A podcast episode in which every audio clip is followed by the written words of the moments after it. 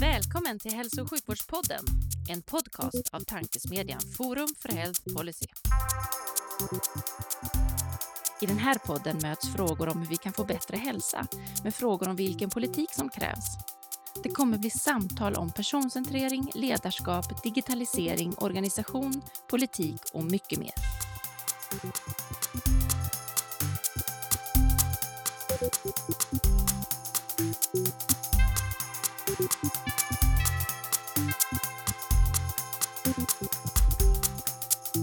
Hej och välkomna till ännu ett avsnitt av Hälso och sjukvårdspodden. Tankesmedjan Forum för Policies podcast där vi diskuterar de stora frågorna inom hälso och sjukvården med initierade personer från densamma.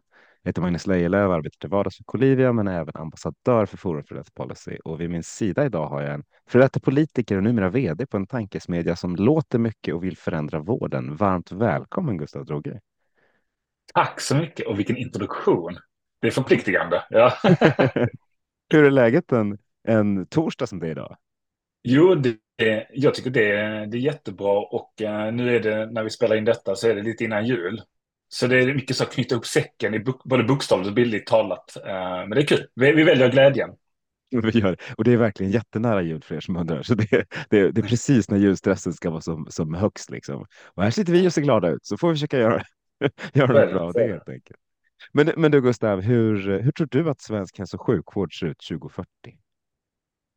Jag tror att det är en hälso och sjukvård som är mycket, mycket bättre än idag. Både när det kommer till att bota och behandla, men också som att ta hand om de som jobbar i eller i närheten av sjukvården. Vi kommer inte ha råd att fortsätta som vi gör, utan vi måste börja värdera både outputen och kvaliteten. Och det görs i stor utsträckning idag. Men också inputen, det vill säga människors tid, engagemang och pengar på ett annat sätt eh, än idag. Och det tror jag, det är ju liksom, eh, tittar vi historiskt så har sjukvården utvecklats väldigt positivt. Alltså väldigt mycket, antagligen, även för det mest optimistiska, kanske till och med överträffat det. Men eh, den, den, eh, den kurvan måste fortsätta på fler områden inom sjukvården. Ja, precis. Och vi kommer tillbaka till det. Men det finns ju liksom både här, medicinska resultat som är en sak och så finns det bemötande, det finns tillgänglighet, det finns liksom ett antal andra faktorer där vi kanske inte kurvan ser inte lika bra ut på, på alla områden. Eh, så, så, så, är det, så är det, så är det absolut. Men Gustav, innan jag gräver ner i de där frågorna så tänkte jag introducera dig för, för publiken så att alla har koll på, på vem det är som pratar. Det är nog många som har det, men jag tänker ändå. Så kan inte du berätta, vem, vem är du och vad har du gjort för att, för att hamna där? Gustav Drugge och har jobbat som politisk sekreterare eller politisk tjänsteman i, ehm, ja, i olika roller i 15 år inom Moderaterna. Och senast som kanslichef för Moderaterna i Region Stockholm. Så att jag eh, var med om allt ifrån det bespottade Karolinska till, till det hyllade Karolinska. Hela den resan så att säga och, ehm, och mycket annat där, däromkring. Men också vårdvalsförändringar i, i Region Stockholm och, och, ehm, och hur man, att det var en skatteutjämning i, i, i hur, man, hur pengar och resurser flyttas inom landet. Rätt och fel, rätt och fel. Men i den processen har jag utvecklats. Och då eh, i det så såg jag en möjlighet att förändra. Men jag blev eh, frustrerad av att även som politiker och politisk tjänsteman var man liksom begränsad vad man kunde göra. Så sa de, men gå och prata med ekonomidirektören, det är hon som bestämmer det. Ja, gick jag till dem och så hade jag möte med dem och så sa de, varför sitter du och pratar med oss? Du borde prata med regiondirektörerna. Och så gick jag till regiondirektörerna och så sa de, varför, varför kommer du till oss? Det är ni politiker som bestämmer. Och då gick det upp för mig att det det är både politikerna, ekonomidirektören, hälso och sjukvårdsdirektören och regiondirektören. Alla de här människorna vaknar på morgonen och vill göra sitt bästa. Men de förmår inte göra det inom sina egna silos. Det måste vara ökade rättigheter för patienten som kommer frigöra de här människornas drivkraft till att bli, gå mot patienten. Och då tänkte jag så här, efter vi förlorade valet 2022 då i Region Stockholm, Moderaterna, Ja, Okej, okay. är det någon galen som vill finansiera en annan galen eh, att starta en tankesmedja och prata om hur starka patienträttigheter skulle kunna förändra svensk sjukvård? Så att det gör vi nu. Nu har vi gjort det snart ett år eh, och eh, hoppas kunna få fortsätta, för vi är inte riktigt, fär vi är inte riktigt färdiga. milt uttryckt. Precis, men som jag sa när vi småpratade lite innan så tycker jag ni, inom ja, men förmodligen den här lyssnarkretsen av podden så har ni nått ut väldigt bra. Eh, liksom med, mer er ansats från början. Det, det är svårt att komma in på ett område utan att vara för provokativ eller för liksom eh, bränna pengar på i Almedalen. Ett, eh, liksom, men ni har ändå lyckats nå ut på, på ett ganska tydligt sätt skulle jag säga. Tack för det. Och vi, vi tror att det finns liksom en, en, om uttrycket tillåts, en marknad idémässigt och debattmässigt eh, som är lite eh, mer positiv. Jag tycker Forum för Health Policy gör en otroligt värdefull insats av att sprida goda exempel, lyfta goda ledare. Jag, älskar, jag läser allt ni gör. Jag tycker det är liksom verkligen, eh, vill plussa på det. Och, eh, eh, men när man samlar många, då blir det liksom en ja, som vården är i mycket, i stor utsträckning. Alltså man, man försöker komma överens och man vill ju vara skön. Man vill ju mm. träffas och kunna ha trevligt ihop. Jag kan tänka mig att vara lite mer oskön eh, Eh, och eh, samla lite färre, men synas lite mer. Så det är väl det, det, är liksom det segmentet vi väljer. Och att vi försöker locka golvet, om uttrycket tillåts, som är, alltså att lyssna på läkare som knyter näven i fickan, som tänker liksom, måste det vara så här? om jag nu om jag påbörjar min ST, det är det vanligaste, de som hör av, hör av sig till oss. Jag har precis påbörjat min ST. Jag trodde att det skulle vara bättre. Men om jag ska lägga mitt arbetsliv på detta, då måste det här förändras. Så nu är, tror vi är sju, sex, sju läkare som vill, eh, eller vi, de är, jag är inte läkare, men som eh, eh, på ett eller annat sätt engagerar sig i Synaps eh, reformarbete. Eh, där vi vill samla erfarenheter på golvet och göra om det till själva reformförslag som politiker kan, kan, kan säga ja och nej till i sina, i sina världar. För att ofta så var vår erfarenhet att de här världarna möts inte. Alltså golvet har en, en verklighet, sjukvårdsmanagement har en verklighet och sen har politikerna en helt annan verklighet som är liksom med olika drivkrafter kan vi kortsluta den här sjukvårdsmanagementsdelen och gå direkt från golvet till politikerna? Så som vänstersidan i svensk debatt har varit otroligt skickliga på. Um, och liksom man vet att Vänsterpartiet och Socialdemokraterna har liksom varit mycket skickliga på att lyssna på vårdpersonalen, vad högern i vid mening eller marknadsliberala i vid mening har varit. Då, då tänker vi så här, här finns det en, en möjlighet att ta in eh, nyfikna, kunniga experter från golvet att tillgängliggöra dem för, för beslutsfattarna och fatta lite mer långsiktigt hållbara eh, beslut. Och om man då lyssnade på de där tre silosarna som du pratade om i början med, med politikern, regiondirektören, ekonomidirektören, då är du på väg mot politikerspåret nu. Är det, liksom, är det där ni lägger tyngden? För när jag läst lite av era rapporter så, så, så handlar det mycket om här, förslag till politiker på hur man kan, hur man kan förändra någonting. Eh, eller tror du att du kan nå alla tre? Nej, jag tror inte att jag... Jag tror vi, vi satsar på, på det, att förändra politiken mm. och sen så får de andra hänga med, eh, tänker vi nog. Men, men många saker rör ju fler, de flera olika silosarna. Till exempel, en lärdom man efter att prata med alla de här ekonomidirektörerna är det som inte prissätts, det finns inte. Mm. Det, eh, det, och det är inte för att någon inte vill väl, det är bara för att allting annat prissätts och det, stör, liksom, det tar all plats.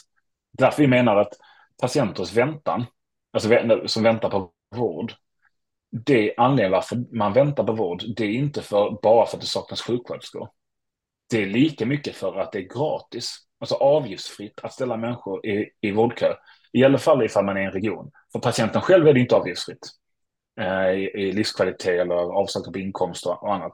Men för regioner så är det avgiftsfritt. Och vi vill, vi vill förändra ekonomidirektörens eller politikernas liksom på regionnivå, deras möjlighet att skjuta upp vårdskulden genom att prissätta den. Och vi vet ju, och alla som lyssnar på det här vet ju vad DRG är för något. Alltså att vi vet ju exakt vad en höft kostar i Jämtland. Och, och vi vet hur många som väntar på en höft i Jämtland. Varför säger vi inte helt enkelt, ja Jämtland, ni har en skuld till er befolkning på motsvarande 40 miljoner. Ni kan inte spendera det på det här andra roliga projektet ni vill göra nästa år. För att ni måste först omhänderta den här skulden. Så att det är lika mycket liksom att införa det i den kommunala bokföringen som vi tycker. Så det är liksom ett sätt att påverka ekonomidirektörens liksom beslutsunderlag till politiken. Eh, är väldigt konkreta reformer. Och nu, jag, ser, jag, jag ser på det, jag, jag försöker svara på frågan nu i slutet. Nej, det är, det, herregud. Du, du svarar ju Ja. roligt, så kör. Ä- Anledningen varför vi ville ha en rekommendation eller åtgärd i slutet på varje rapport var att när jag själv var politiker, eller politisk tjänsteman, läste så otroligt bra tillgänglig information och sen så tänkte man okej, bra. Det här, är ju, det här måste vi göra någonting åt. Hur? Och så gick man till sina egna tjänstemän och så diskuterade man och alla liksom samlades bara kreativa möten och sen så, ja okej, så hade vi en massa problem här och massa invändningar här och trösklar där. Och då tyckte jag det var så svårt att tänk om de som skrev den här rapporten la 15 procent på att säga hur man skulle göra det här i så fall. Va? Och inte bara komma med problemformuleringen. Och liksom hur bra det kan bli, utan mer, så här, mer konkret. Vilka beslut måste fattas var för att starta den här processen? Och då tänkte jag, om jag någon gång ska göra detta, då ska jag liksom inkludera det. Eh, och den långsiktiga målsättningen är att om alla rapporter och alla artiklar vi skriver ska vara action points, att kunna om två, tre år kunna ge ut en handbok till politiker som vill förändra vården med olika kapitel. Där varje kapitel ska ha action points och människor som har gjort det i någon annan region. Så ifall man är politiker och vill förändra vården får man en bok med liksom actions och namn och nummer till människor som har gjort det en gång och lyckats eller misslyckats. Så man kan ringa och fråga. Hur gjorde ni? Vad fungerar? Vad fungerar inte dåligt? Så kan vi lite grann som Forum för Health Policy, fast liksom mer typ operativt för politiker. Och om man då sitter och tittar på systemet utan, utanför ifrån så tänker man oftast att eh, man vill inte uppfinna något som någon annan har gjort. Så man vill oftast uppfinna det själv och vara först ut med allting för att få stå på scenen och få cred. Hur tror du att, liksom, för i grunden så är det, det låter väl skitvettigt att ta de bra sakerna och bara duplicera det, men det verkar inte riktigt funka i Sverige. Eller är det min bild som är lite som är svart just nu? Nej, jag tror att eh, men det är de här drivkrafterna. Att man vill eh, hitta, okej, men vad är det som driver människor till förändring? Jo, det är antingen rädsla för att göra fel. Då blir de, drivkraft, de innovationerna blir sällan långvariga. Eller viljan att kunna liksom stå på en scen eller berätta om hur bra det här kan bli. De innovationerna har väl kanske möjlighet att bli lite mer långvariga. Men i grunden så är det ju det är väldigt kortsiktiga drivkrafter, eller incitamentsmodellen av rädsla eller eh, kändisskap det, eller popularitet. Det, det är drivkrafter som är väldigt eh, eh, ska säga, de är inte så stabila och hållbara. Drivkraften som ersättningssystem, som vinst, möjligheten att ha liksom två hus, två bilar, två båtar. Allt detta som vi tycker är skamfilat, men som fungerar i alla andra sektorer. Framgångsrikt med att fördela resurser och innovationer. Och i stora delar av sjukvården kommer till att bygga, bygga sjukhus, utveckla läkemedel eh, och sådär. Men just när det kommer till att behandla och bota med en människa till en annan människa, då blir det superfult. Då vill vi inte ha innovationen. Då vill vi inte ha de här drivkrafterna. Och det är det jag tycker att, eh, kan jag få vara med och påverka här, eh, då tror jag att det som vi far efter med de här spridning av innovationer runt om i landet, att det kommer na mer naturligt ifall det prissätts. Absolut. Ja, pengar är ju oftast Mm. en, en, effektiv drivkraft. Liksom. Men varför, Mm, men- vad, vad tror du med din, med, med din erfarenhet? Det skulle vara intressant. Vad, vad är din erfarenhet? Varför tror du liksom att vinstbegreppet har kommit att bli så skamfilat inom vården? Eller är det det- det?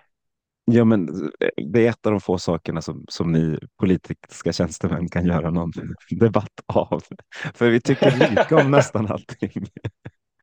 Nej, men privatisering det- och det är en vinster och sånt poäng. där. Ja, nej, men det, för mig är det, så- det, det är saker som alla kommer ju säga att vi vill ha kortare köer. Alla kommer att säga att vi vill ha bättre vård. Alla kommer att säga att vi vill ha nöjdare personal. Alla kommer att säga att vi vill, liksom, vi vill ha in, innovation, upptag av innovationer och en framtida vård. Liksom. Det finns ju ingen debatt i det. Så en av de få sakerna jag ser som man kan ha debatt kring är, är just vinster i välfärd och privatisering. Mm. Och det är ju eh, det är både sant och sorgligt. Alltså jag tycker att din analys är 100% sann och 100% sorglig. Att det är liksom det man ser och förstår, det argumenterar, argumenterar man och det påverkar vården eh, i för stor utsträckning. Eh, men det, måste, det gör vi någonting åt tycker jag. Det fixar Ja, men eller hur, eller hur? Sen är det ju kul, vi gillar Ja. båda liksom, den politiska debatten. Det finns ju något i det. Det är ju jätteroligt. Men det, det, det finns ju, jag har frågat ganska många i podden, så vad tyckte ni saknades i vårddebatten inför valet? Ja, men det valet där ni förlorade där. Eh, och, och de Mm. flesta svarar allt, för det var ingen debatt. Mm. För det är liksom inte så mycket debatt. Det är liksom inte så mycket debatt kring vård. För så här, vi försöker, försöker lösa det så bra som möjligt. Ja, men, ska det vara politiskt styrt då? Jag tror att så länge man med demokrati samlar in pengar och fördelar pengarna till vården så behöver demokratin vara med och se till så att ansvar kan kräv, utkrävas. Det behöver inte översättas till att det ska vara politiker i Karolinskas eller i Lunds liksom, sjukhus, liksom, i lasarettsjukhusens styrelser. Det behöver inte sitta politiker där. Men någonstans måste det finnas möjlighet att slänga ut dem som vansköter det. Det tycker jag är, det är liksom det förtjusningen i demokratin. Så det, det tror jag att, och det, det, det vet jag, du sa ju politikerstyrt. Och det blir väl i viss mån, om man ska kunna utkrävas ansvar så måste ju någon ges inflytande, styra och ställa. Däremot tror jag att politiker skulle tjäna på att ta ett steg tillbaka och låta, om man säger så, vi låter, måste proffsen vara proffs. Låt dem vara det då. Cut out the middleman. Varför måste de här sjukvårdsförvaltningarna in och detaljreglera allt? Utan om det finns läkare som vill jobba eh, utan en fast ersättning, utan bara träffa patienter och ta en besöksersättning. Ifall, om de inte jobbar så äter de inte. Det fungerar i många andra delar av världen Eh, och i Sverige i andra samhällssektorer. Att man har liksom en, en ersättning om man faktiskt arbetar. Istället för stor del av vården idag att du får en ersättning oavsett hur mycket du gör. Utan vi hoppas att det görs ungefär så här mycket. Det tycker jag är det, är det största resursslöseriet i svensk sjukvård. Eh, med att vi, vi hoppas på varandras bästa förmåga. Hoppas att du, att du vill ta en extra patient för att du drivs av detta. Och det är klart att du drivs av detta. Det är klart att vi hoppas på detta. Men är det inte bättre att ge dig ett incitament, en drivkraft till att träffa en patient eller två till? Eller ännu bättre, ge en drivkraft som är långsiktigt hållbar så du utvecklar en modell så du kan ta in en till. Så att istället för att du träffar sex patienter så träffar ni 14. Alltså, det är ju den innovationen, så vi vill köpa det vi vill. Jag tror politiker i en demokratiskt styrd sjukvård måste våga köpa det man inte ser. Idag köper vi bara det vi ser och då får vi, det vi bara det vi har.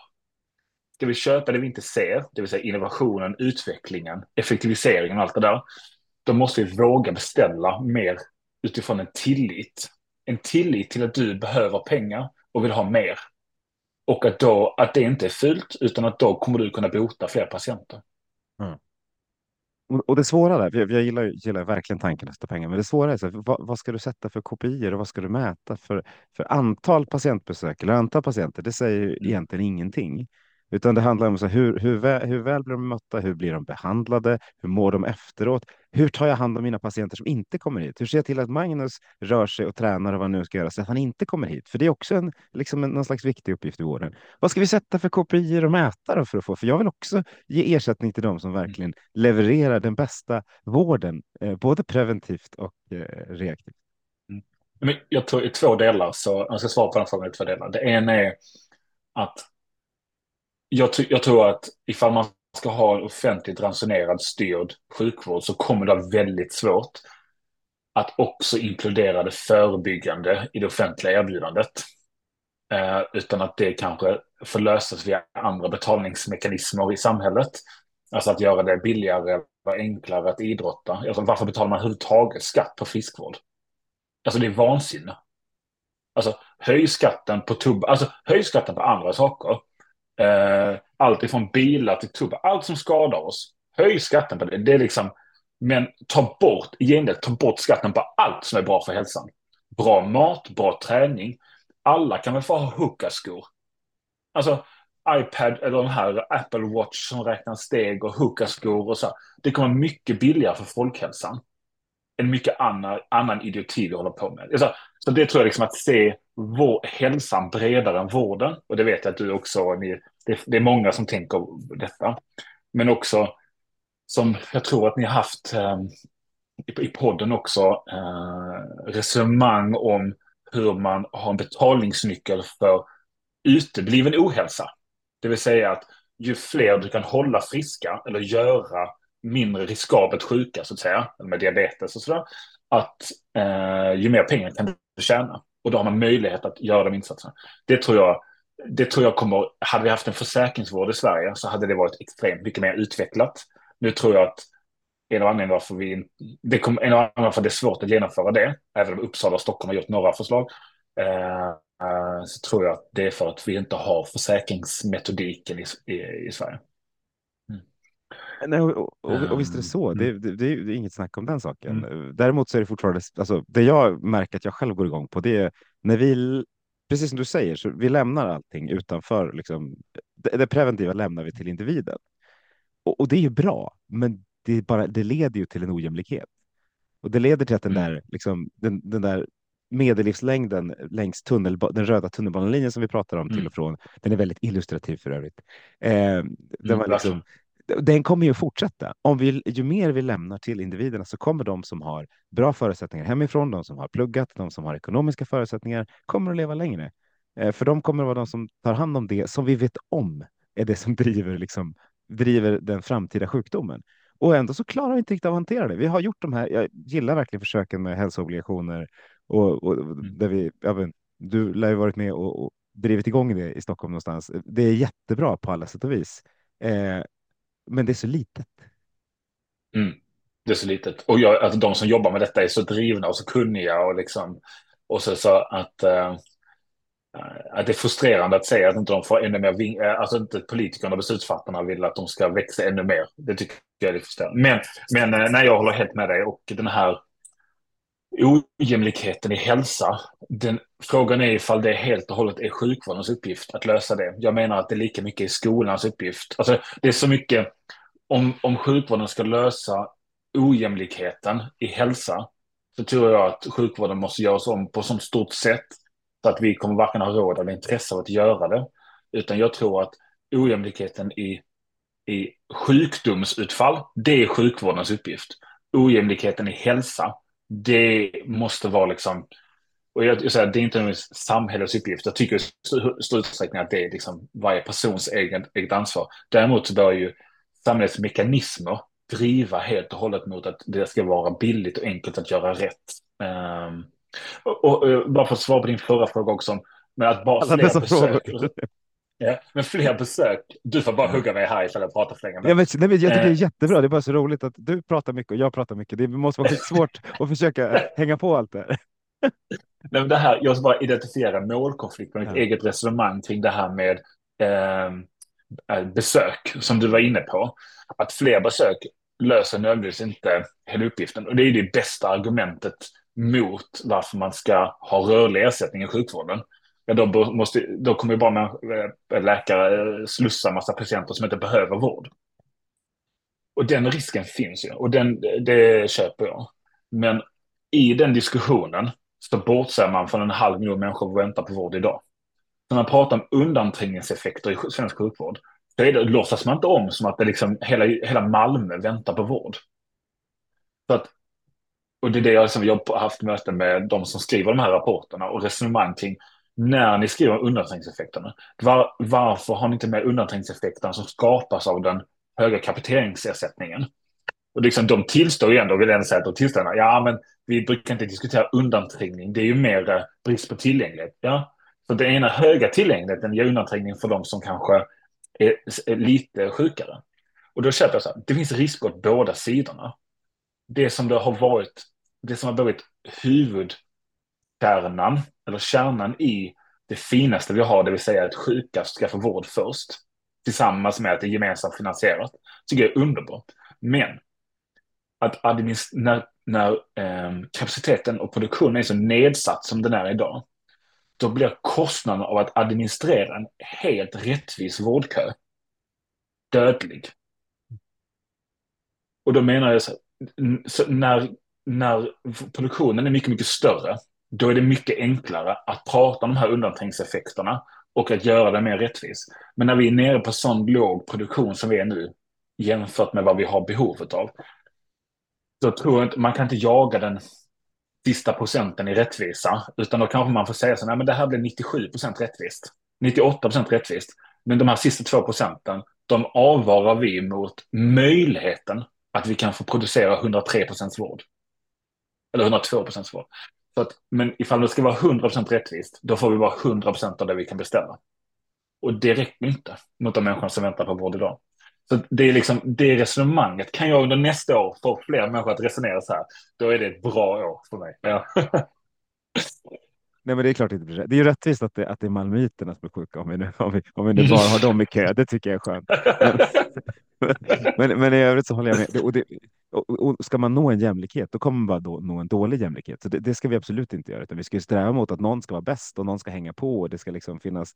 Det är nog mer att jag ibland tycker att vi gör det för lätt för oss genom att antingen gå mm. bara mot kapitering eller försöka gå bara mot liksom, rörelse. Det är ingen som vågar ta i det här. Ja, men kan vi inte betala för de patienter som blir friska? För att det är så lätt att manipulera. Ja, jag tycker alla verkar ganska lätta att manipulera. Ja, eh, så, så, exakt, exakt så är det. Mm. Så hur, hur ska jag, vi fånga jag, det där? Hur ska vi fånga båda de här delarna? Att vi ska ha mycket produktion, för det tror jag att vi alla vill ha, och liksom en hög tillgänglighet, mm. men också få ett, få ett jävligt bra resultat. Jag tror um, uh, på någonting som är djupt bespottat i svensk sjukvård. Så jag säger, det ska ut på djupt vatten här. Men uh, det är en optimism som driver mig i detta. Det uh, svaret på frågan kanske med svensk sjukvårds liksom, organisering kanske inte är liksom, ifall det ska vara en, tre eller åtta regioner. Utan jag tror till stor del att den 22 regionen eh, kan vara lika intressant som att ha åtta regioner. Höjer det på ögonbrynen, tycker jag. Och det jag, bara, jag, bara så, jag bara så nyfiken vad 22 regionen ska ta vägen. Jo, och då tänker jag att då skulle det kunna vara staten som är en opt-out-möjlighet för vårdpersonal som inte vill jobba för regionen, men vill bo i den geografiska ytan som är regionen. Så att man ska, man ska inte ha liksom, den enda vägen upp är ut. Att ta bort den möjligheten som finns liksom, idag, eh, eller bristen på möjligheten. Och att man kan ha nationella listor på läkare. Alltså, som finns idag, som alla lyssnar på detta är väl bekanta med nationella listan och, och eh, lagen om läkarvårdsersättning. Men den har ju massa problem. Eh, det finns liksom, eh, det finns, det finns mycket problem med den. Men det finns många fördelar med den också. Det vill säga att den här tilliten vi tror om läkare, att man vill eh, sin, liksom sin, ifall man bor på en liten ort, den befolkningen sin som bästa, man kan deras namn, man kan deras åkommor, man vet vad deras morfar heter, vad deras barn heter och sådär. Den historiska känslan av vad en allmänläkare, en husläkare, egentligen ska vara, den hade vi i Sverige historiskt. Vi skulle kunna få den igen, men då måste vi nog börja cut out the middleman som är i regionerna och säga att det glesbygdsstöd till exempel, som regionerna får, kan vi inte pytsa ut det på de här läkarna som vi bor i Ånge? Du bor i Ånge, du känner alla som bor i Ånge, du kan alla deras åkommor. I gengäld så blir du rikast i Ånge. Och det, och det kan kosta några miljoner för att få den verksamheten igång i en premie. Men är det inte fantastiskt ifall vi har en husläkarverksamhet i Ånge kommun som är välfungerande och där vi har en läkarkontinuitet men det kanske inte går ifall det ska vara en vårdcentral med liksom 50 detaljregleringar, som det är mycket, ofta som det är idag. Utan då får vi kanske ge upp om att allting ska vara lika bra överallt hela tiden. Utan, men i gengäld så, så, så, så äh, får några äh, jobba mot den 22 regionen, det vill säga staten. Men ifall du inte träffar patienter, ja då får du inte heller någon ersättning. Så att säga. Och då tycker jag, och jag försökte räkna på det, att ifall, om man tar allt glesbygdsstöd som regionerna får i vården eh, och skulle lägga det och ge det direkt till läkarna. Eh, hur många fler läkare skulle flytta ut på glesbygden och, och bli allmänläkare? Ja, eh, ja, vi hoppas kunna komma med den siffran under början på nästa år, men det, det, jag tror att det skulle vara en stark personlig drivkraft och att göra jämlikheten i vårdutbud över hela Sverige en otroligt stor tjänst. Eh, men, men då måste vi acceptera att eh, ett gäng läkare får bli lite rika. Absolut. Så det, så, så, ja, förlåt, kör du. Nej, men, nej, så det tror jag folk kan acceptera och så länge de får en bättre hälsa. Så tror jag inte, det är klart, det, kommer, det finns alltid avundsjuka, det säger jag ingenting om. Men om, om man kan visa på att någonting är bättre hälsa så tror jag inte att det är något, något jättestort problem. Sen tror jag att liksom, jag, gillar, jag gillar tanken, tror att den kanske funkar bättre i små orter än vad den gör i stora orter. Och ju mer, vi blir ju rätt urbana som, som vi är ju rätt urbana som befolkning så vi, liksom, vi samlas ju i de stora städerna i, i större utsträckning. Men det kanske du, det går väl att, få, ta höjd för båda där så länge vi, vi behöver lösa någonting för, ja. för alla i Sverige. Och, och då tror jag liksom den kontinuiteten man vill ha tror jag man kan få om man säger att istället för att en politiker eller en, en, en förvaltningsperson beställ, beställer kontinuitet. Hej, du, du har läst om Hippokrates, du har läst liksom, du är besjälad av att hjälpa människor. Och nu ska jag eh, i ett avtal skriva att du ska hjälpa människor. Och du ska göra det bra. Liksom, att man tar bort det som vi vill ha hos läkare och vårdpersonal, som är den fantastiska drivkraften, känslan, den, genom att beställa den så detaljerat som man gör, så försvinner den.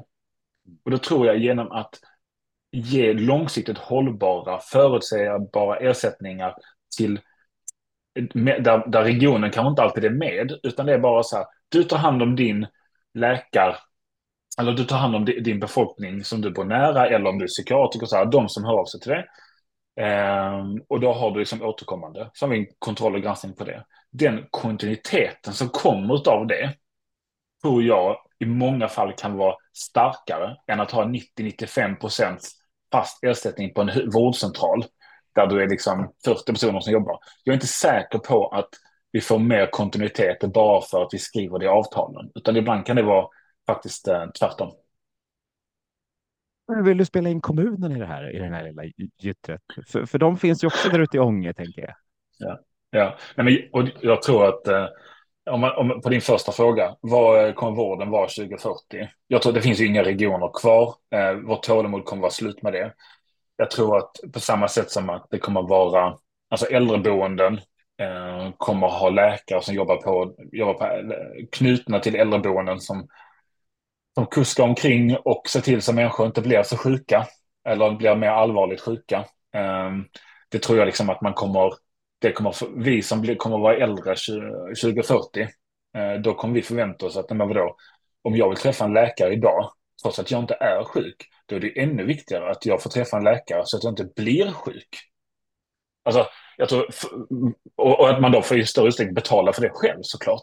Men att för, de, för att det, det, som är, är man sjuk ska man få det betalt gemensamt. Men vill man träffa en läkare när man är frisk, då ska man betala för det själv alltså friskvård som vi har idag också, eh, eller företagshälsovård och så. Men att man har mer av det som äldre. Att det finns en premie som man får betala mot att få hjälp att inte bli sjuk. Både när det kommer till att träffa en fysioterapeut som hjälper en träna, en läkare som hjälper en att, att hålla sig frisk. Så att det, jag tror finns, för, det, för den som lyssnar på detta och överväger att gå på läkarlinjen, kommer jag, kommer jag ha ett jobb?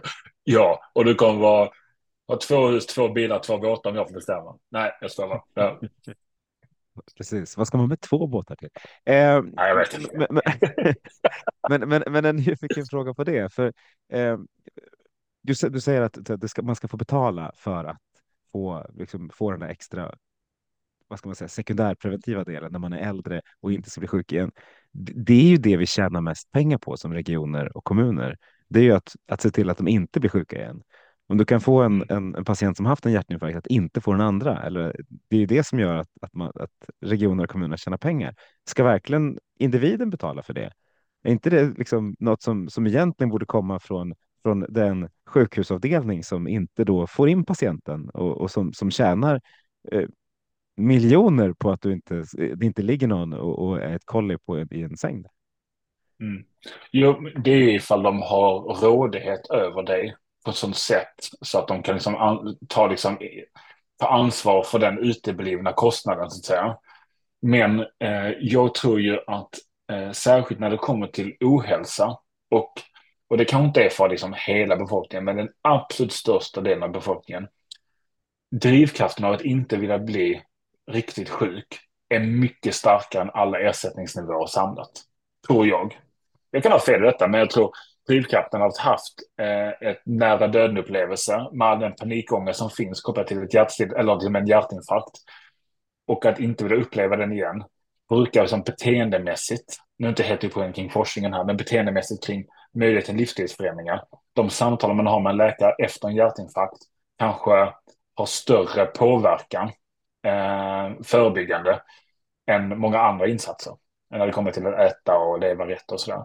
Och jag, jag tror att kan vi undvika att göra mer, att inkludera mer i den offentligt icke eller suboptimalt fungerande ransonerade sjukvården och låta fler saker ligga på individen, tror jag att de, det är liksom det är mer rationellt och en bättre användning av resurserna eh, på det sättet. Det är inte säkert att det är exakt lika rättvist i alla delar, det är det kanske inte. Men jag tror det långsiktigt är, eh, på, tal om, eh, på tal om undanträngningseffekter, ska mer in på, i en budget som redan anses vara ansträngd, då tror jag att det som riskerar att åka ut är ibland mer behjärtansvärt än det som kommer in. Nu ska jag inte sno en, en boktitel från dig, men eh, om, om du inte har tänkt att skriva boken om hur det var att jobba när, med ett bespottat sjukhus som blivit hyllat, kan du inte berätta för oss hur, hur, hur var det att jobba utifrån det politiska perspektivet, eh, eller poli, ja, liksom, politiska tjänstemannaperspektivet, eh, från, från att ni tänkte på Karolinska till att det blev bespottat till att det blev hyllat? Uh, jo, den executive summary uh, på de här åren skulle ändå kunna vara i stil med eh, Eh, från att man bestämmer sig från att eh, alltså Karolinska var ju eh, två sjukhus, och sen blev det ett sjukhus på två platser och sen diskuterar man, okej, okay, men vad om, om man ska klara av att hålla det akuta, alltså akuta flödet påverkar hela tiden produktionsförmågan och man behöver ha alla de olika delarna för forskningen. Och då ville stockholmarna att eh, vi skulle ha ett sjukhus som var av en sån kvalitet, både forskning, akademiskt, eh, produktionsmässigt, eh, som var eh, bland de bästa i, i Europa var målsättningen.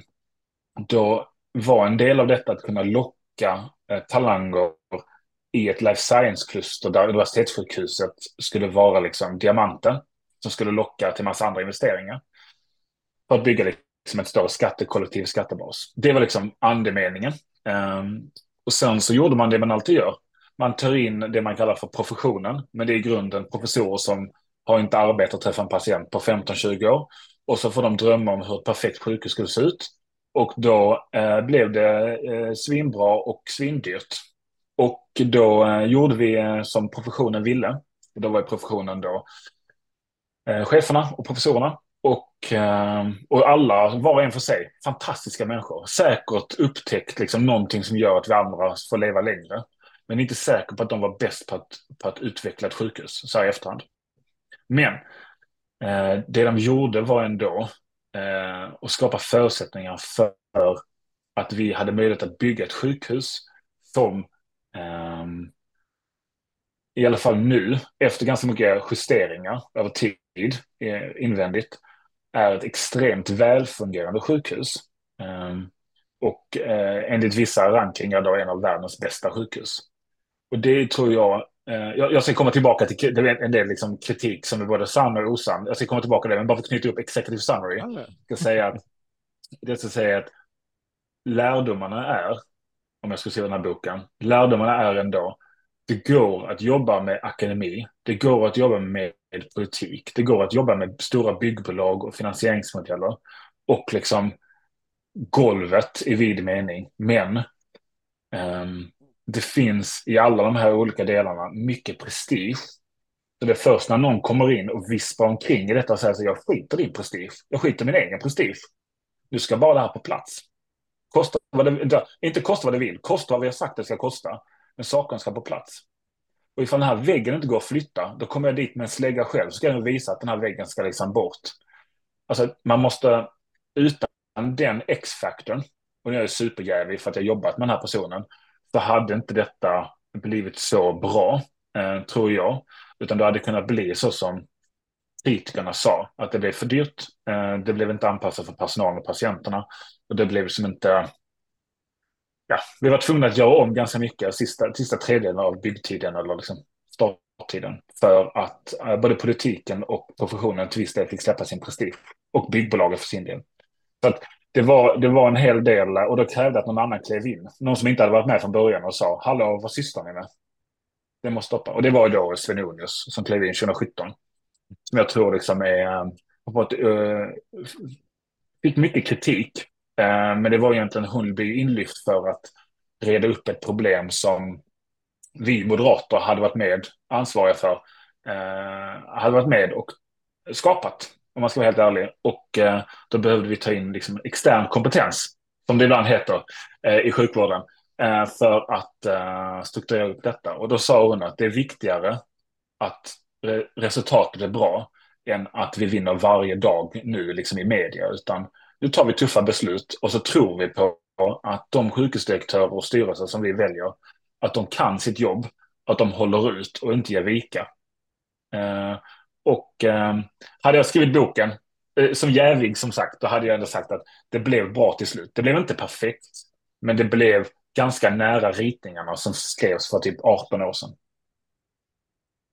Och om man ska ta den, mest, alltså, den kritiken som var, var ju att, som var sann, det var ju att man, när man lyssnar på professionen så hade man lyssnat på de som inte skulle jobba i sjukhuset utan de som hade jobbat i det förrförra sjukhuset. Det tror jag liksom är... Det, det var en ärlig kritik som man var tvungen att omhänderta i efterhand. Och som är ganska förståelig också om jag ska vara helt ärlig. För det, det är oftast de som är tyngst i liksom, opinionsbildningen internt också. Eh, mm. Vi, mitt gamla företag flyttade till Karolinska området. Det måste vara typ tio år sedan eh, och då var det ju ingenting. Och nu gick jag genom Hagastaden häromdagen och ser att det är det där ni pratar om. Det är den här Boston-känslan där det faktiskt mm. är liksom akademi och industri och produktion av sjukvård på samma ställe. Det är skithäftigt. Det har ju mm. verkligen blivit. Nej, jag, jag, jag hade en idé som sågades, men jag kan testa den här igen, kanske någon annan kan ta upp den, eh, om att eh, för att illustrera hur viktig det här navet skulle kunna bli. Så att istället för att som många finansregionråd eller så här, ta emot internationella, alltså det är någon internationell vd som något Sverige-team har tagit in och så ska de få träffa politiker, liksom. det är liksom en gång i veckan. Och så kan man skryta om hur bra Karolinska är och, och varför de ska liksom placera liksom sina investeringar i Sverige och sådär. Och det ingår ju i jobbet tänkte, men kan vi inte identifiera tio bolag vi vill ska ha etableringar i Sverige, i Stockholm? Och så kan väl vi resa runt och gå, sätta oss i deras huvudkontor i Schweiz. Liksom. Alla, alla, alla de här kontoren ligger ganska nära varandra. Hur ska vi omkring och ha pitch decks, decks och sitta och pitcha till globala vd om varför de borde lägga, lägga sina investeringar i, i Sverige och i Karolinska. Men eh, det tyckte Karolinska och delar av ledningen i Region Stockholm var lite beneath us. Eh, så det gjorde vi tyvärr inte. Men det jag tyckte att det var, det var lite så här prestigelöst och, eh, och eh, tror jag det var, det var ganska eh, intressant de förklarar för mig, är det inte länder söder om Italien som brukar göra detta? Ska vi liksom hålla på, ska vi hålla på med detta? Det sticker vi ut lite. Men är ju det då, kanske, då kanske vi hade tränat lite när vi skulle göra samma sak för att få Läkemedelsmyndigheten till samma område. Men ja. där vi inte lyckades för att vi inte hade tränat tillräckligt bra på det. Ja, och där kanske på tal om prestige. Jag tror att man ibland så måste man göra det. Det andra länder gör bra, liksom att bli lite, ja, lite prestigelöst. eh, tror jag att Sverige är bra av ibland. Mm. Ja, men det, det, är nog, det är nog sant på många sätt. Eh, en, ja, en av alla punkter du pratat om är Eh, kompetensförsörjning som du pratade på lite olika sätt om, det vill säga att vi måste ha folk som ska jobba i vården 2040 eh, om det ska bli en bra vård 2040. Eh, vad tror du? Just nu är det rätt aktuellt. Ni släppte en, en intressant rapport här om månaden blir det nu. Eller blir det framförallt när folk lyssnar på det här så blir det så har det gått någon månad. Mm. Där, där, det handlar om alltså hur, hur, vi ska ta, hur vi ska få personal att vilja jobba i, i sjukvården som ju är liksom något som, som alla all, man har ett kall att jobba där, så man borde verkligen vilja jobba där. Men just nu så flyr folk eh, delvis vården och det finns inte lika mycket personal som det borde, borde finnas och det finns mycket klagomål på olika sätt. Vad, vad tror du är liksom lösningarna framåt? Det här är ju ingen skitlätt fråga, men du kan ju få börja fundera på den. Nej, Nej men vi började i, vi läste en artikel och så diskuterade vi att, jag tror att Svenska Dagbladet som hade skrivit om Vårdförbundet som har gjort en analys kring att 14 000 sjuksköterskor, och den här siffran kan vara lite daterad, men 14 000 sjuksköterskor som är legitimerade under 65 år har valt bort patientarbetet och regionerna. 14 000, men hur många sjuksköterskor finns det då? Liksom? Ja, det är ju då runt drygt 200 000. Så det är ju ändå, eh, och det saknas liksom, okej okay, hur mycket är 14 000? Ja men det är ungefär två och ett halvt Karolinska universitetssjukhus som, som i, i volym räknat. Sen förstår jag liksom att en sjuksköterska är inte en specifik sjuksköterska som kan översättas rakt av, men för att förstå volymerna. Okej, okay. hur illa är arbetsmiljön? Så att så många, eller är det, är det att någon annan är mycket bättre eller är det, flyr man för någonting eller springer man till någonting annat beroende på liksom hur man byter jobb? Låt oss forska i detta eh, och ta in både det, liksom det akademiska tilltaget, vad som gör en bra arbetsgivare, men också begära ut liksom, hur, hur toxisk är arbetsmiljön? Och då begärde vi ut eh, från, arbets, eh, från, från regionen liksom alla, alla arbetsplatser i vården som har 25 procent i personalomsättning tre år i rad. Men också att göra liksom ganska stora intervjuserier med, med sjuksköterskor och sjuksköterskestudenter. kring, kring vad man vill ha hos en arbetsgivare. Och alla de här tre olika fundamenten ledde oss in på någonting som vi ganska enkelt hade kunnat gissa oss till så här i efterhand. Men som vi ville veta, så att stämmer den här hypotesen då? Om att mycket handlar om, en del handlar om lön, men, jag återkommer återkomma till det, men nästan allting handlar om det nära ledarskapet. Och det har också i väldigt växande utsträckning blivit viktigare med att ha en riktigt bra inspirerande chef eller snedstreck ledare. Och um, då börjar vi djupa, okay, men vad innebär det att ha en inspirerande chef? Vem gör det bra? Vad gör andra sektorer som vården skulle kunna lära av? Och om man tittar då på hur näringslivet i vid mening, och då tog liksom industrin som ett exempel, hur jobbar de med ledarskap? Och då eh, använder jag ett exempel med min lillebror som eh, är civilingenjör och håller på med, att, eh, med fabriker i Kina som ska minska eh, värmeförlusten vid höghastighetsbanor. Det är superkomplicerat. superkomplicerat. Han är inte så intresserad av att vara chef egentligen, men han kan kinesiska och det är svår materia, så att det svenska bolaget vill gärna att han ska åka dit och ha koll på de här lite fabrikerna. Och då så sa de så och nu ska du få gå, eh, för att du ska göra detta så ska du gå på ett specialdesignat program på Handelshögskolan som det här företaget har gjort. Det kostar flera hundra tusen, så viktigt att du skärper dig, går på alla föreläsningar och skriver och lär dig mycket. Och han liksom, ska jag gå tillbaka till skolbänken? Det vill jag verkligen inte. Det var liksom hans känsla. Översätt detta nu till vården. Alltså han ska ta hand om en fabrik långt bort i stan. Göra någonting som inte är så viktigt för Sverige just nu. Och sen översätter det till vården. Helt avgörande, våra medmänniskors hälsa. Du sätter en helt ny chef, ansvarig för kanske 50 miljoner, 30 miljoner, 500 livsöden om året. Vad får de för ledarskapsutbildning? Vad, vilka verktyg får de? Eh, de blir, under, eh, de blir ombedd plocka undan egeninköpta massariner. Det är en true story. Egeninköpta massariner. De blir ombedda att plocka undan för den grannavdelningen har en chef som inte vill finansiera egna massariner. För några gemensamt inköp av sjukhuset, det kommer inte på tal. Alltså vi har en sån arbetsmiljö där det, det när, när som helst kan det gå åt helvete istället för hur bra kan det bli? Och i detta så vantrivs man och att vi satsar inte på ledare och chefer i, i svensk sjukvård på ett sätt som är eh, strategiskt viktigt. Det skit i Jante, det är det som gör att vi inte gör det. Men skit i det, även om vi liksom rationellt kan se strategin i detta, så gör vi ändå inte det. För, av, av många olika skäl. Och detta tycker jag, om man ska ta med sig något från rapporten så är eh, och jag försökte provocera genom att säga liksom, skicka på dyra handelsutbildningar. Det behöver inte vara dyrt, det var någon som reagerade på det, det måste vara dyrt. Nej, det måste inte vara dyrt, men poängen är att det ska vara premium. Där. Skicka dem till Harvard, skicka dem till uh, Oxford. Um, en, en riktigt bra chef i svensk sjukvård kan göra under. Uh, så.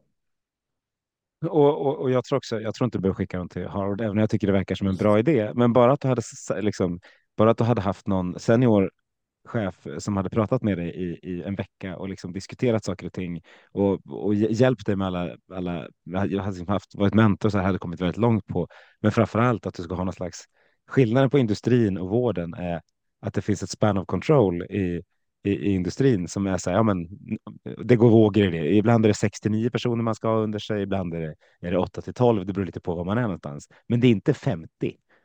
Det är inte Nej. så att du ska vara chef för att försöka se 50, det är helt omöjligt. Det är helt orimligt att du ska kunna vara liksom både strategisk, framåtblickande, interagera med alla, alla stakeholders du behöver interagera med samt ha, ha koll på ja, men mer än typ tio personer. För, för då, då blir du inte tillräckligt närvarande någonstans. Nu ska jag ta ett exempel från bemanningsbranschen så, så slipper du som är jävig. Eh, att säga att eh, en sjuksköterska som återgav var, frågan varför, varför väljer du att jobba som hyrsjuksköterska?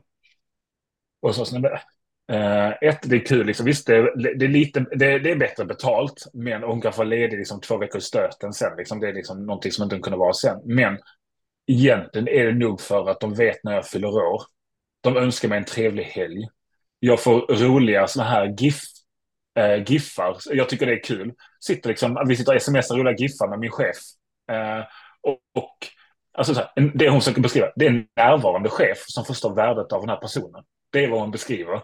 Men det är inte så att den här chefen eh, skickar liksom goodiebags. Alltså det är inte liksom, det är inte det det handlar om, utan det handlar bara om Hej, jag vet att du finns. Du är viktig för oss, du är viktig för mig. Och jag undrar ifall du mår bra idag och har haft en bra arbetsdag på bussen på vägen hem. Och den typen av eh, ledarskap tror jag att vi, alltså vare sig vi vill eller inte, det kommer, och ifall vi inte vill att alla sjuksköterskor ska börja liksom bolagisera sig och 312 som läkarna börjar göra, då behöver vi ta hand om dem bättre. Verkligen, jag kan ju bara hålla med rakt av. Eh, det är så enkla mm. saker och det är, därför, det är därför även om de här dyra utbildningarna på liksom välrenommerade ställen är, är klockrena så är inte jag, eller jag är helt övertygad om att alla de där som skickar de här giffarna inte har gått den ledarskapsutbildningen. Nej. Men de har ändå liksom förståelse för att ja, men mitt, mitt viktigaste uppdrag är att ta hand om, om de som jobbar för mig. Eh, och det är liksom det, det, är det stora i det uppdraget och det är det. Det är mycket det man vill ha. Man vill ha en, en ledare som låter en göra precis det man vill, men ändå ser den. Det är en, mm. inte alltid bara lätt. Nej, nej, verkligen. Och sen så, och säga en sak om det här med lön också. Där tror jag att, och det är väl det som ehm, liksom eh, liksom bemanningsvärlden eh, illustrerar. Eh, det vill säga att den här individuella lönesättningen som tillämpas i större utsträckning i, i ehm, utanför, liksom i, i, i, konsultvärlden eller som i bemanningsindustrin.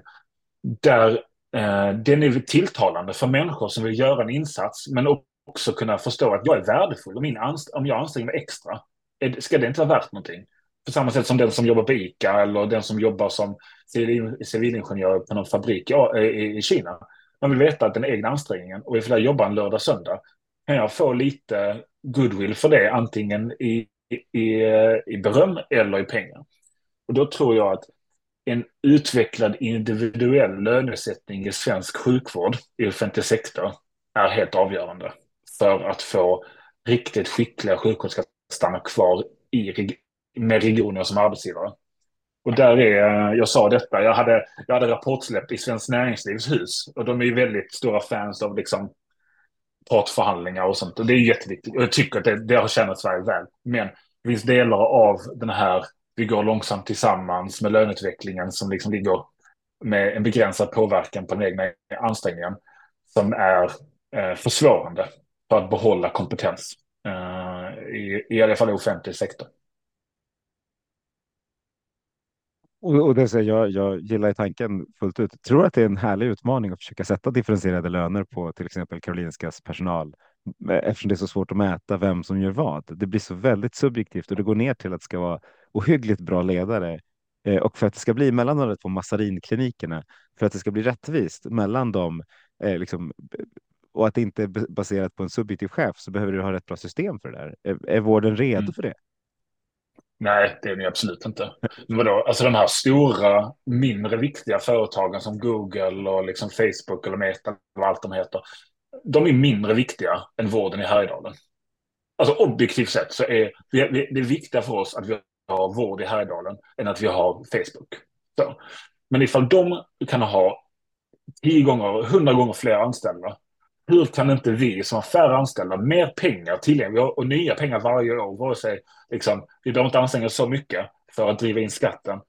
Hur kan vi inte organisera oss på ett sätt? Varför, varför är det eh, bara chefen som ska ge bedömningar på anställda? Alltså har man 50 anställda, ja, då är det klart att det är svårt att sätta individuell lönesättning. Har man 7-8 stycken kan det vara enklare. Och varför, varför rangordnar inte de anställda cheferna som i de stora internationella framgångsrika företag, det är det lika viktigt att chefen får bedömningar från sitt team än att, som att teamet får bedömningar av sin chef. Mm. Man är, man är beroende, för att man förstår att man är beroende av varandra för att göra ett bra jobb. Men ifall man inte behöver lära sig namnet eller efternamnet på sin nya kollega för man vet att han är bara där fyra veckor, ja, då är man inte så benägen liksom, att vilja släppa in dem på livet. Så, så att jag tror att allting hänger, och det vet ju du liksom, och det är alla de som lyssnar på detta, liksom, att det är liksom alla de här delarna hänger i varandra. Eh, så. Och eh, någonstans så tror jag att, att säga att liksom, vi har inte råd att ha en chef på 50 anställda. Vi behöver liksom eh, kanske ja, fem chefer eller sex chefer på 50 anställda. Absolut, och, men även om vi är många som vet om det så, så, vet vi, så händer det ju ingenting. Vi gör ju ingen förändring, även om eh, vi liksom förstår att vi borde göra det. Så det är väl det som är utmaningen. Liksom, vad ska vi göra? Jag tror också att Härjedalen kan jobba på samma sätt som Google, men det krävs ju en kultur, kulturförändring som heter duga, både på, på topp vad det gäller styrning och vad det gäller liksom medarbetare, hur man jobbar som medarbetare. Och det är en bra pivot till detta då. Det, om vi inte vet hur vi beställer det, mm. men vi vet att det är strukturellt bättre hos någon annan, då vill vi ha fler av de andra. Och de andra i detta fallet är privata vårdgivare. Så när vi mäter och tittar både på, på forskning och på liksom personalnöjdhet, på friska medarbetare, eh, viljan att rekommendera sin arbetsplats, alla de här måtten mm. alltså, som, som används, så är privata vårdgivare strukturellt bättre på att ta hand om sin personal än vad offentliga är. Mm. Eh, och då tror jag att ifall man kämpar i Härjedalen med att behålla personal och man inte vet vad man ska göra, då kan man konkurrensutsätta. Det, för då vet man att det i alla fall har en strukturell chans att vara bättre. Alla privata är inte bättre än alla offentliga och, och tvärtom. Så är det ju. Men på strukturellt plan så har, är man better off ifall man vågar konkurrensutsätta sina egna arbetsgivare. Um, så. Och en stor del av svensk sjukvård går ju tyvärr, och liksom, särskilt beslutsfattandet liksom, på regeringen, också vad den här regeringen går åt fel håll. Har då tagit vansinniga förslaget, det här, eh, vi kallar det för, vi ska stärka vården i glesbygden. Och då är det det här att de ska förbjuda nationell listning. Eh, och i det förslaget så finns det en, en eh, sån här klausul för att få tillgång till det här nya glesbygdsbidraget. Då måste du ha etablerat dig minst 20 kilometer från närmsta vårdgivare. Det vill säga att det är glesbygdsstöd. Och ifall man bor 20 kilometer i glesbygden från närmsta vårdgivare, är man inte allihopa i skogen då? Det är sånt jävla långfinger till all konkurrens i glesbygden. Så det är ju liksom institutionalized, de människorna som jobbar med detta, alltså SKR-maffian, är liksom det viktigare med eh, att eh, och jag förstår att de drivs av en välvilja. Alla de går upp på morgonen och vill bara göra det bästa. Det tror jag liksom. Så är det. Men att regionerna var bra är inte samma sak som att patienterna var bra. Är snygg räddning först säga SKR-maffian och sen säga att de försöker göra sitt bästa. Ja, Maffian är ganska hårt in, men jag, förstår, jag förstår vad du menar. De är, de, är in, de är insiders i ett system som vill skydda sig själva. Uh, så. Och de har liksom legitima, alltså jättebra diskussioner med Marie Morell som är Moderaternas liksom, eh, SKR-ledare inom vården. Jättekompetent, jätteduktig person. Och bara liksom att, när jag, när jag försöker säga det här, men tänk vad bra det kan bli med en nationell vårdförmedling där vi flyttar vård från lågproducerande enheter till högproducerande enheter. Visst, vården kan inte ges över hela landet, men man får vård tidigare. Det är väl en bättre trade-off. Då har hon legitima invändningar. Okej, okay, men om kirurgerna ska flytta till Landskrona, till någon, till någon hubb i, i Landskrona och i Åre och i Stockholm. Vem ska ta hand om, vem ska våra kirurger i Motala träna på för att behålla kompetensen för att ta hand om de riktigt svåra patienterna? Alltså, hon har ju fullt legitima, rimliga invändningar. Och då menar jag så här, ja, men, visst, vi måste också ta hand om det. Men svaret kan inte vara status quo. Liksom. Och det, det köper hon också. Så, så att de här, verkligen för att mjuka upp min, min anklagelse här, så kan jag säga så här, de arbetar i ett system, precis som ekonomidirektörerna, regiondirektörerna och politikerna. Man ser sig själv och vad man själv kan förändra och det ansvaret man har. Men därför behöver patienten vara nyckeln och patientens rättighet och vara nyckeln för att lösa upp de här målkonflikterna i större utsträckning. Absolut. Eh, det var bara roligt sagt, för det, liksom, det, det, det låg så mycket ordet maffia som jag var tvungen att, att, att, höra mer om. Det fick jag. Du Gustav, nu har vi snart pratat en timme, eller vi har pratat en timme. Eh, tiden går fort när man har roligt. N när du kom in i det här digitala rummet, var, var det något du hade velat prata om som du tycker att jag inte har lyft? Nej, jag tycker att det, det är kul att få touch base på många olika delar i svensk sjukvård. Och jag tycker att ifall det finns någon där som lyssnar som tänker på vad kan jag göra med min plattform ifall man jobbar på bolag eller jobbar i offentlig sektor? Eller ja, liksom, oavsett vad man gör, men om man håller på med sjukvård så tror jag att, att, um, att bjuda in sig själv med den kunskap och erfarenhet man har till antingen din podd eller till oss eller till någon annan som jobbar med sjukvårdsutveckling. För att vi behöver, jag tror verkligen på den här Forum för Health Policies idé om att sprida goda exempel. Det är liksom, kan vi göra någonting gemensamt nästa år med att hjälpa till att driva den utvecklingen som är, som är ganska välfungerande ändå. Eh, men accelerera den processen, det tror jag, eh, och särskilt bjuda in offentlig sektor i det. Nu är det mycket så här privata som pratar med privata och sådär. Kan vi få med de här andra som är liksom, som kämpar och vill väl, men som behöver lite mer stöd. Det tror jag eh, skulle vara en välgärning för nästa år. Så kryddar vi med ditt, ta med alla som jobbar på golvet, för det tror jag också är en nyckeln, att vi inte bara blir, att det inte bara blir liksom det teoretiska, utan att vi blir praktiska i allt vi gör också. Så, så det verkligen. Men du Gustav, tacka varmast för att du var med i Hälso och sjukvårdspodden. Du, det är Synaps som tackar för att vi fick bli inbjudna. Och ifall man vill följa oss och eh, så har vi ett nyhetsbrev som man jättegärna får eh, skriva upp sig på. På tankesmedjasinaps.se eh, ska man skriva upp och följa oss där. Grymt. Och hörni, tack alla som har lyssnat. Då går vi ut och förändrar svensk hälso och sjukvård till bättre helt enkelt.